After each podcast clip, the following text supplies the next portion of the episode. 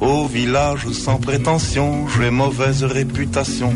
Je me démène ou que je reste quoi, je passe pour un je Aquesta sintonia que habitualment sentim els dissabtes i que avui eh, ha passat a diumenges després del programa que vam fer a Vilafranca del Penedès. Hem intercanviat papers amb el Genís Cinca, que ja aviso ara que això d'intercanviar papers, ves que no ho fem més sovint. O fem coses estranyes. O sigui, per exemple, vosaltres, vosaltres i el Cinca, no sé si heu, eh, no sé si heu coincidit mai, però, però seria bastant interessant. Se m'ha acudit que alguna vegada coincidíssiu en un estudi, perquè són les pot- dues cares de no la mateixa pot ser, moneda. perquè el Cinca sempre parla bé de la gent. sí, el Cinca és una bona persona que no mereix sí, sí. que nosaltres estiguem que quedarem malament som nosaltres, i Ja. aquests dos sempre parlen. Però bueno, no, si tu vols, nosaltres ho fem. Sí, sí. O sigui, els honorables execrables seria meravellós. Això estaria molt bé. Però pot acabar amb querelles, no? Clar, clar, us podeu... I no, I no sé què tal us portaríeu tampoc, perquè clar, ell és tan positiu i vosaltres sou tan Massa, massa, agres. ma- és massa bon tio. Sí. És, és molt bon tio. Jo sospito molt del Cinca, eh? Ai, a més que ella esmorza amb un xupito a mimosín, això no. no. No pot ser, no pot ser. Sempre té coses bones per dir de la gent. Sí, sí, això això, és això, això no pot ser. Això vol dir que amaga algun secret inconfessable, eh? Doncs ves que no fem alguna cosa amb els honorables i amb els exe- execrables eh, creuant-se. Bé, avui quin és l'execrable? O sigui, si la gent que estigui acostumada a sentir avui el, el Genís Cinca parlant bé de gent... Que, que ho s'oblidin. Que, que sàpiguen que avui és la cara B, que és, és aquests dos animalots que parlen malament d'altres. Persones molt conegudes. Sí. Avui, avui qui és? Avui és un actor, un actor d'aquests que, vamos, ultraconegut, un que ha estat a, les, a pòsters i a les carpetes de, de generacions des de fa bueno, diria dècades, no? Un dels actors més admirats de, de, de tots els temps, des d'un tramvia anomenat Desig, Apocalipsis Now i sobretot el, el Padrí, no?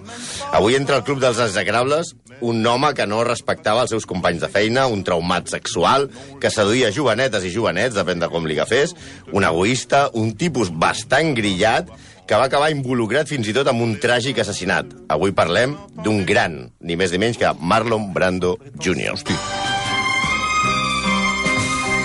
Perdona, aquesta versió, això és de, és de la banda sonora o és un chill-out estrany? Aquest, aquest, aquest és, és música de, és, és el padrino passat per música de Ray Conniff i fa ascensor. Ascensor total, eh? Total. Bueno, Marlon Brando era sobretot un tipus turmentat. El seu pare era un faldiller i un fanfarró que, a més de malgastar els diners del seu fill, no perdia ocasió per parlar, per parlar malament de l'actor. El mateix Brando... El pare. Sí, Sí, el- anar parlant malament del seu fill per tot arreu. Sí. sí. A sobre que els gastava els seus calés, anava dient, ah, el meu fill és un imbècil. Tal. O por ahí. Sí. El, el mateix Brando, fill, en aquest cas Marlon, va dir d'ell, la seva sang consistia en una barreja d'alcohol, testosterona, adrenalina i ira. La frase la va incloure un dels monòlegs improvisats de Últim Tango a París. En una entrevista també va dir si he d'interpretar algú enfadat, només he de pensar en el meu pare colpejant-me. La seva mare, per contra, una guapíssima irlandesa, va ser destruïda pel seu marit i va acabar alcoholitzada. Brando l'anava a buscar, a rescatar, als bars i fins i tot un dia la va, la va rescatar, la va treure nua al carrer eh, en una ocasió. Tot i que la mare va ser pionera d'Alcohòlics Anònims... Això és així, sí. Sí, Va, sí, va, sí. va ser una de les fundadores d'alguna Sí, de associació. Ostres. I, I es va rehabilitar. La ferida d'infància de, de Brando ja no va cicatritzar bé i va forjar una persona profundament infeliç. Home, al punt d'arrencada no en tenia ni idea que, No. que era una, una infància tan Imagina't anar a horrible. buscar la teva mare a, als, Als bars, bars. i estar Oh. despullada i, i haver-la de tapar i portar-la a casa. Vull Que dir. bèstia. Això vol dir que sí, que una mica tarat sí que estava, però és que és gairebé normal. Si tenim en compte, per exemple, amb 4 anys, Marlon Brando Jr. dormia amb la seva mainadera, una danesa a Indonèsia, i dormien els dos nus, eh? Ah, sí? Sí, la mainadera. Si tu poses amb, amb 4 anys a dormir amb una... És que a mi la, la, la, la, la barreja indonèsia-danesa danesa ja em posa nerviós. De 18 anys. De 18 anys, i això, bastant, els de l'ESO podeu començar a bavejar. Però sí, Brando era un tipus raret. Feia coses com autohipnotitzar-se. Què dius? Sí, pels de l'ESO els explicarem que autohipnotitzar-se és com quan posen YouPorn i es queden Va. mirant la pantalla. Va. Vale? Va omplir la casa d'animals, com la seva mansió, com tortugues o ossos rentadors. Què és un os rentador? Jo tampoc ho sabia. És un mapatge, però clar, espero que no es pot dir mapatge, s'ha de dir os rentador. Os rentador. Os rentador. O, o trens de joguina. En això qui s'assemblava? S'assemblava Michael Jackson, amb el qual van acabar sent amics íntims. També li agradava ser el centre absolut de totes les converses i de la vida del seu grup d'amics. En moltes ocasions va manifestar que no li agradaven les converses en grup. Millor tet a tet. Així es garantia que ningú l'interrompís. A la sexta noche li hagués donat una greu malaltia. Avui és el dia de l'ictus, Mm. a la Marató de TV3. La Sí. nostra contribució seria Marlon Brando podia haver tingut un ictus. Una altra de les seves extravagàncies, a més de comprar-se un atoló a la Polinèsia, rotllo illa dels famosos, però només un famós, La illa del famós. la illa del famós, o patentar un mètode impossible de tensat de tambors. Això és molt bo, eh? O sigui que un, és- m'encanta la gent que patenta coses que no funcionen, això m'encanta. Un mètode impossible de tensat de tambors. Sí. Ser- Però, va- però d'on li valien això dels tambors? No acabo d'entendre. No sé, pues, sigui, supongo que la Polinèsia va, coses. va haver un tio fent una corda, va, això ho patento, però no ah, funcionava. si con esto me voy a hacer rico. Ja, ja, ja. ja, Vinga, ja, ja. tira, Pues, macho. en aquestes extravagàncies va ser omplir casa seva de micròfons i gravar tot el que passava. Vull dir, aquest material... De la illa dels famosos a Gran Hermano. Sí, exacte. Posava micròfons a casa. A casa seva. O sigui, vull dir, amb, aquest, amb aquest mariat, ell es gravava a si mateix, feia com llargs monòlegs, I anava passejant pel passadís parlant. i, i dient... I parlava, coses, i es gravava. I amb això es va muntar després, ja pòstumament, un, un, un documental que es deia Listen to me, Marlon, escolta'm, Marlon. Però, clar, en aquests enregistraments també hi havia la gent que passava per casa seva, com Nick Nolte o Jack, Nocal, Jack Nicholson. Però aquests ho sabien o no? No ho sabien. Ah, Clar, això és diferent ja. Sí, Sí, sí, clar, bàsicament, és una cosa- amb les aficions que tenien Nicholson i Nolte, tampoc es devien enterar massa. Ja, ja, ja. ja, ja. Però un, una, cosa, una cosa graciosa, curiosa, que va passar amb aquestes gravacions és que els tios que estaven fent el documental senten una dona i diuen aquí ja està llegant el Marlon i, es, i paren l'atenció bé i aquesta dona no era una dona, era la veu de Michael Jackson. Oh, boníssim. Parlant de Michael Jackson, Michael Jackson i Brando tenen una gran relació. Pa- D'entrada, un dels milions de fills que va tenir Brando, el seu fill Miko, era el guardesquenes de, de Michael Jackson. I Brando li va donar classes d'actuació particulars a, a, a Jackson, no? Però al igual que a Jackson, a Brando també li anava la carn poc feta, la joventut, diguem Va, no? ai, per favor. Entre les Una manera de- de dir les coses, també. aventures amoroses, que ara parlarem, hi ha, hi ha una aventura que va tenir amb Jackie Collins, germana de l'actriu John Collins. Eh, Brando tenia 30 i molts i i la Jackie Collins estava a punt de fer 15. Bé, mm, estil Chaplin, diguem-ne, no? Hosti, tu. Però és que, com veurem, Brando va tenir Otoe amants, de tot tipus, eh? Otoe. Otoe, però Otoe, pels que no ho han sentit, vol dir eh, en quin... llengua lakota. La, Dakota. Uh, vol dir molts, molts, però moltíssims. Però molts, molt més que molts, eh? Molt més que molts. Otoe. Sí, ell va tenir homes i dones eh, amants, però Otoe, Otoe, eh? Va tenir un afer ni més ni menys que, per exemple, amb Marilyn Monroe, amb Grace Kelly, Marlene Dietrich i, segons sembla, fins i tot amb Jackie Kennedy. També amb homes. Segons una de les seves biògrafes, Susan Mizrucci, que no, no és que Marlon fos gay, sinó que tenia, atenció, un desig sexual descontrolat que el portava a provar tot tipus d'experiències.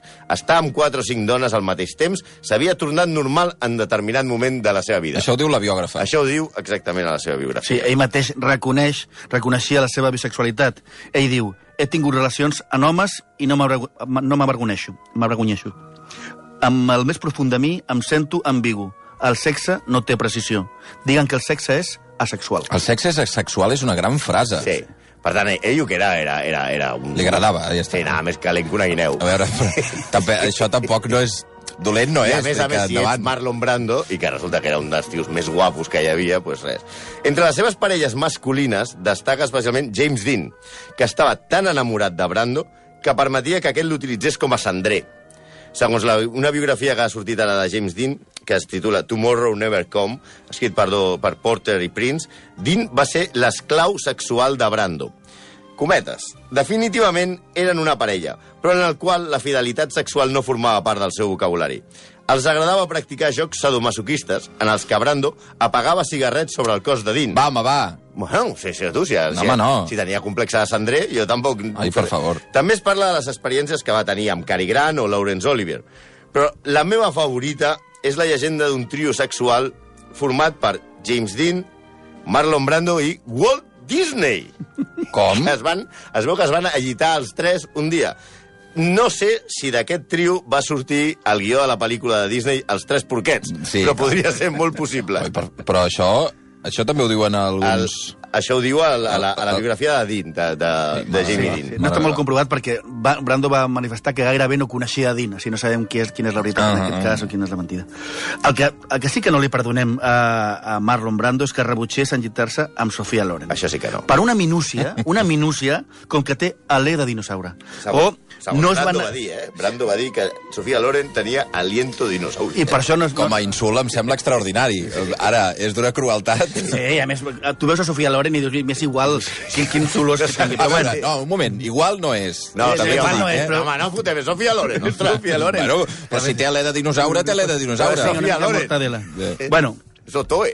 també va rebutjar Elizabeth Taylor perquè tenia el cul petit. Però què dius? Bueno. T'has t'has begut l'enteniment. Això sí que no. Això realment és intolerable. Però seguim justos. Marlon Brando va tenir almenys 11 fills biològics i 3 adoptats. I segons alguns biògrafs, existeixen 4 no reconeguts. Entre aquests, els no reconeguts, hi ha el que va tenir molt, molt jove en la gran, escri- gran escriptora Paula Fox, que com són les coses, és l'àvia de la vídua de Kurt Cobain, Oh. Love. Estem parlant, m'has dit... Això per què ho esteu posant ara? Què és això? Això és el gordo bueno. El gordo bueno. Uh, 11 fills biològics, 4 no reconeguts, per tant, uh, ja anem per 15 i 3 adoptats. Sí, Estem parlant de I- 18 i, fills. I alguns que van demanar la seva reconeixement, que estan... I això encara no se sap. Encara no Sí, se sap. sí, Fota't Brangelina. Sí, sí. sí. I, sense des, I sense desforestar eh, Àfrica. Bueno. Eh, Què més li passava? Hi Jo, havia, home, hi ha una veient, cosa que veient li... el títol del Gordo Bueno, imagino que és que li agradava menjar. Per, perquè hi ha una cosa, una cosa que li agradava més que cardar, que era menjar. Durant una època la seva dieta consistia en menjar d'una sentada dos pollastres complets, 300 grams de cansalada, una font de patates fregides, dos pastissos de poma i el seu plat favorit, el gelat, una bona ració de gelats. A vegades canviava de dieta, eh? I només es prenia 6 litres de gelat en un dia, o sigui, un cubell d'aquests grossos, molt sa. Això el va portar a pesar en una època de la seva vida 150 quilos. Els defensors de l'astre diuen que es va engreixar perquè odiava la seva bellesa, vull dir que ell volia espatllar-se, es veia tan guapo que volia espatllar-se. Era autoodi. Sí, un autoodi també, ja hem dit que està una mica grilladet, eh? Però tot sembla que en lloc d'odiar la seva bellesa, el que odiava era l'enciam.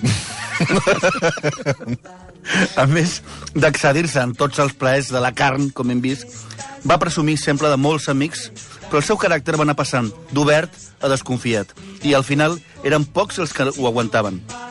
De totes maneres, a jutjar per com li explicava a Truman Capote en una entrevista mítica la manera en què feia amics, no m'estranya que la gent sortís fugint. Diu en l'entrevista, obro cita, dono voltes. Després, gradualment, m'acosto. Després estenc una mà i els toco, amb molta cura. M'allunyo. Ai, no. Espero una mica. Faig que es quedin pensatius. Just en el moment precís em torno a apropar. Els toco, dono voltes. No saben el que està passant. Abans de que se n'adonin, estan enredats, compromesos. Els tinc. Jo sóc el duc. Però què diu? Quin tros de friqui, no? Però què feia? Bueno, m'ha llegat bé... Però això eren amics. Això amb gent que Així coneixia, amics. sí, sí. A la, a la primera, la, o sigui, la Sí. primera vegada que coneixies Marlon, Sí. Mar, podia fer això. Se t'acostava, et tocava, se n'anava, donava una volta. tornava, clar, la gent no podia sortir corrents perquè deia, hosti, estàs zumbadíssim. Però clar, és que en aquella entre... aquesta entrevista, que jo la recomano molt, que està en el llibre de Truman Capote, Retratos, eh, eh, en aquella entrevista li va dir altres coses com sempre m'entusiasma per alguna cosa, però no em dura més de 7 minuts. Exactament 7 minuts. O sigui, havia comptat el, el, el seu grau d'entusiasme per les coses i el va determinar en 7 minuts. Com fos igual en el sexe, la seva vida amatòria era com els bonobos, vamos, breu i repetitiva. Cal dir que Capote, a l'entrevista, va, va escriure que Brando va beure moltíssim vodka durant l'en- Otoe, vodka, Otoe, Otoe. Otoe vodka durant l'entrevista. I a veure, si Capote diu molt, coneixent, els, Otoe, coneixent els estàndards de Capote, això devien ser piscines. Sí, sí. Home! Ti, ti, ti, ti, ti. Però s'ha escrit un crim? Sí, Sí. bueno... Vull dir, no, no va sortir a la sèrie. No, no, no, Ah, no, no, no és perquè parles amb Jessica Fletcher, per cent ja se sap que és una de les grans assassines en sèrie del món, perquè allà on va la Jessica matant algú... Fletcher- Sí, sí. Home, sempre s'hauria d'adoptar, eh, de Jessica Home, jo Fletcher. vaig a una festa i em trobo a Jessica Jessica Fletcher i Fletcher. surto Fuig, corrent. fuig. Vaya, ara, aquí, aquí va haver muerto. Aquí va haver Otoe. Eh, muertos. Otoe muertos. No, aquesta, aquesta música venia a col·lació perquè el gran drama que va marcar la, la segona meitat de la vida de Brando va ser l'escàndol de l'assassinat a la mansió de Doug Drolet, el nòvio de la seva filla Cheyenne, a, mar, a mans de Christian Brando, també fill de, de Brando per una altra mare, que va acabar amb el suïcidi de Cheyenne, la seva filla, i fet que va portar l'actor a compareixer davant dels tribunals i caure amb una greu i profunda depressió. La història és totalment truculenta i no, no hi era la Fletcher a, a la mansió de Brando en aquesta ocasió. Com a mínim que no ho tenim comprovat. O sigui, va ser un Puerto Rico amb tots els ingredients. D'entrada s'ha d'explicar que Christian Brando no estava massa bé del cap. Tampoc és d'estranyar, eh? perquè si tenim en compte que quan era un nen molt petit, la seva mare, la primera dona de Marlon Brando, va segrestar el nen perquè no estés amb el seu pare i el va amagar a una comuna de hippies perquè el criessin en plan Mowgli, allà què al dius, llibre de la selva. Però en lloc d'alimentar-lo amb plàtans, l'alimentaven amb porros des de petit. Hi ha, hi ha uns missatges, és que hi ha alguns oients a través de Shooter, diu uh, l'Albert, quan, quan ha sentit això del trio aquest suposat, diu Brando, Dini, Disney i una barra de mantega.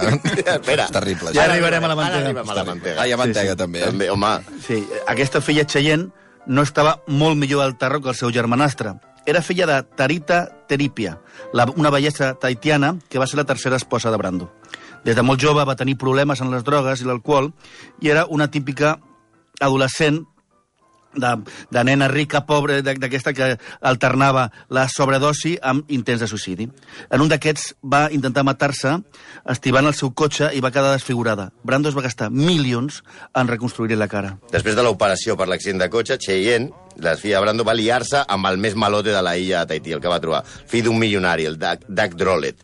Es va, juntar, es va juntar Cheyenne i Doug Drolet i un dia estant a la mansió de Brando, Christian i Doug van discutir i la cosa va acabar amb quatre trets i Drolet mort. Cheyenne estava embarassada i va, culpar els, i va culpar el seu pare a l'incident. A una entrevista que va concedir a la revista Paris Match, Cheyenne va declarar que Brando va incitar a Christian a matar el pare del fill que estava esperant, actuant com el seu personatge de Vito Corleone el Padrino. El fill, que va néixer, Tuki li van posar, va néixer durant el judici de l'assassinat amb síndrome d'abstinència Que per, per l'addicció de la seva mare a les drogues. Evidentment li van prendre la custòdia a la seva mare, que va intentar matar-se un altre cop, i Christian Brando va anar a la presó. Brando es va gastar una altra milionada en advocats. Per això va fer coses tan espantoses com la seva intervenció a la pel·lícula de Cristóbal Colom, què va, va posar també la veu a un videojoc del Padrí i va escriure les seves memòries a canvi de 4 milions de dòlars. I fins i tot va haver de demanar diners al seu amic, que sempre surt en aquest, en aquest, eh, programa, Michael Jackson. Els diners eren pel judici i per intentar curar la seva filla, a la que va ingressar a un psiquiàtric a París només per grillats famosos i rics. Un dia Brando es va presentar al psiquiàtric on estava la seva filla a París i van escapar-se junts. Es van disfressar i van estar vivint d'incògnit unes setmanes a França.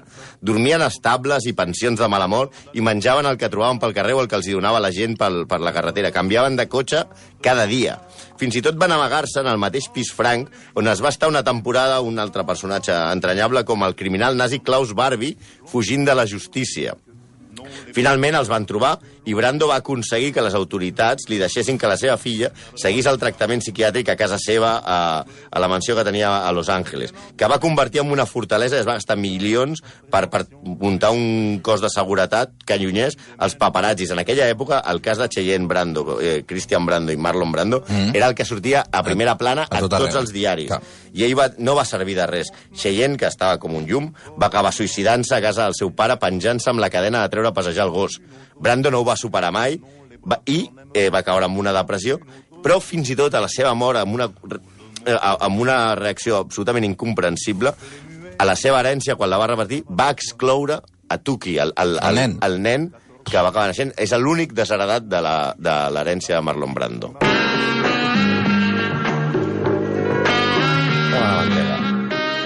Però era un enorme actor. Era més enllà de tot que, això. Efectivament, Xavi, si per alguna cosa ha passat Brando a la història, a més per aquest imponent físic del que parlàvem, és per les seves dots sectorals. Es diu que ell va portar el mètode Stanislavski a la seva màxima expressió. Segons se separa, fins i tot la va portar massa lluny. Com el rodatge de Últim Tango a París, que estem sentint ara la música, Sí. sembla que Brando i Bertolucci es van conjurar per ocultar-li els detalls de la- de l'escena de, de la mantega i la violació, perquè ella sentís por real. Òbviament, no va ser una violació real, però la por que va sentir ella sí era real. Ella es va enfadar moltíssim. S'ha de ser un cabronàs igualment. Sí, Maria, Sí. Maria Scheider tenia, aleshores tenia 19 anys i Brandon tenia 50 i Sí, tants, no, eh? s'ha de ser un... No, no, Bé, realment... Uh, uh, no dic ni la paraula. Sí, sí. de- de- Miserable. Mm. Aquestes setmanes... que hi ha- sí, sí. Exacte. Aquestes setmanes que hi ha hagut una mica d'escàndol amb aquest tema, Bertolucci ha canviat la versió i diu que ella ho sabia, però ella, que va morir fa uns anys, Sí, ara. ella va dir que no era el guió, que la van enganyar. El que és segur és que Brando era un malson per tots els directors. Per exemple, després d'haver cobrat eh, una milionada, no va voler anar a Filipines pel rodatge d'Apocalipsis Now. Al final, eh, sí, quan estava tot, el rodatge d'Apocalipsis Now, que es va allargar durant dos anys en llibres sobre, sobre el rodatge, al final el van convèncer, però es va, va aparèixer gordo, més gros que Bud Spencer, i amb el cap afaitat, cosa que trencava tota la idea del rodatge. El- per el això, guió. si recordeu la pel·lícula, Coppola decideix rodar les, la majoria d'escenes que surt eh, Brando amb clarobscur. Surt allà molt fosc a darrere per, a, per amagar que estava eh, supergràs. També es va fer fam famós per anar als, als rodatges i llegir les, literalment les seves línies i anar-se'n. Un exemple és el seu paper que comentava abans, que fa de Torquemada en l'horrible pel·lícula aquesta que es va fer de Cristóbal Colom, per la qual va cobrar uns 5-6 milions de dòlars per sortir molt poca estona i en la qual es notava tant que llegia que va costar fins i tot treure una escena per posar en el tràiler de la pel·lícula. No, sigui, Bàsicament, anava i s'hi pixava a les rodatges, no? o sigui, anava amb el paper, s'ho ja llegia i ja estava la volta de tot. Això pels que veuen les pel·lícules doblades no es nota, només els que veuen en versió original. A la illa del doctor Moró, per cert, amb el guió de Richard Stanley, que és besnet d'un altre execrable, això és com los extremeños que se toquen, pues també els execrables. Exacte. I va imposar que Nelson de la Rosa, que era l'home més petit del món, que, que també li deien l'home rata, sortís amb ell a, a gairebé totes les seves escenes. Va obligar que el maquillessin de blanc i que li posessin una galleda de gel al cap. Matthew Broderick, en qui va pro, pro, pro, pro, pro, pro, protagonitzar El Passarell, i en la qual Marlon Brando s'imitava a si mateix en el, un trasubte de Víctor Corleone, explica que Brando va ser una decepció que li dictaven les frases per auricular i que no hi havia manera de seguir els diàlegs. Vaja, que era un desastre total. També explica que a la final de la seva última pel·lícula, que es diu The Score, que va fer al costat de Robert De Niro, i la dirigia Frank Oz. Frank Oz, convençut de que en Brando, per la, per la fama que tenia, eh, li muntaria alguna escena, va començar a tractar malament a Brando. La reacció de Brando, més xulo que un ocho, va ser anar a gravar totes les escenes sense pantalons, Què perquè dius? el tragués, perquè així obligava a Frank Oz només a filmar-lo de cintura cap amunt. I a més portava un certificat mèdic en el qual deia que era al·lèrgic a Mr. Oz. Segons la, la biografia Brando a l'ombra, Marlon Brando va morir gairebé arruïnat, vivint de la seva pensió i amb un deute de 20 milions de dòlars. Ara se sap que no és del tot cert i que l'home que va cobrar el 1978 4 milions per uns pocs minuts a la pel·li Superman tenia moltíssim patrimoni i va deixar milions en herència i que, segons la revista Forbes, va guanyar 9 milions després de mort. Imagina't. Quin Però el, personatge, Tuki, tu. però el Tuki no va veure ni un duro. però s'ha de ser, és igual. El, el, però és que... Això és el terrible que tenen els il·lustres execrables, que un personatge que a mi m'agrada com a actor, ara, Ah, ara, actor ara me l'ensorres. Ara me l'ensorres, però vaja, estava, estava, estava com un llum d'oli. En fi, execrable, Santi Jiménez, Malcom Otero, moltíssimes gràcies. Pensarem això del 5, eh? Ah, sí, home. Mira, ara que venen festes, alguna cosa podríem muntar. Tres minuts i per damunt de, de dos quarts d'onze del matí. De seguida una història brutal, un personatge que us encantarà. Eh, ens sentireu a parlar Ja, li farem un execrable. també. Jovic. Hovik, Hovik Keuchkerian. Si no us diu res el nom, de seguida en parlem. Tout le monde viendra me voir pendu, sauf les aveugles, bien entendu. Via lliure amb Xavi Bundó.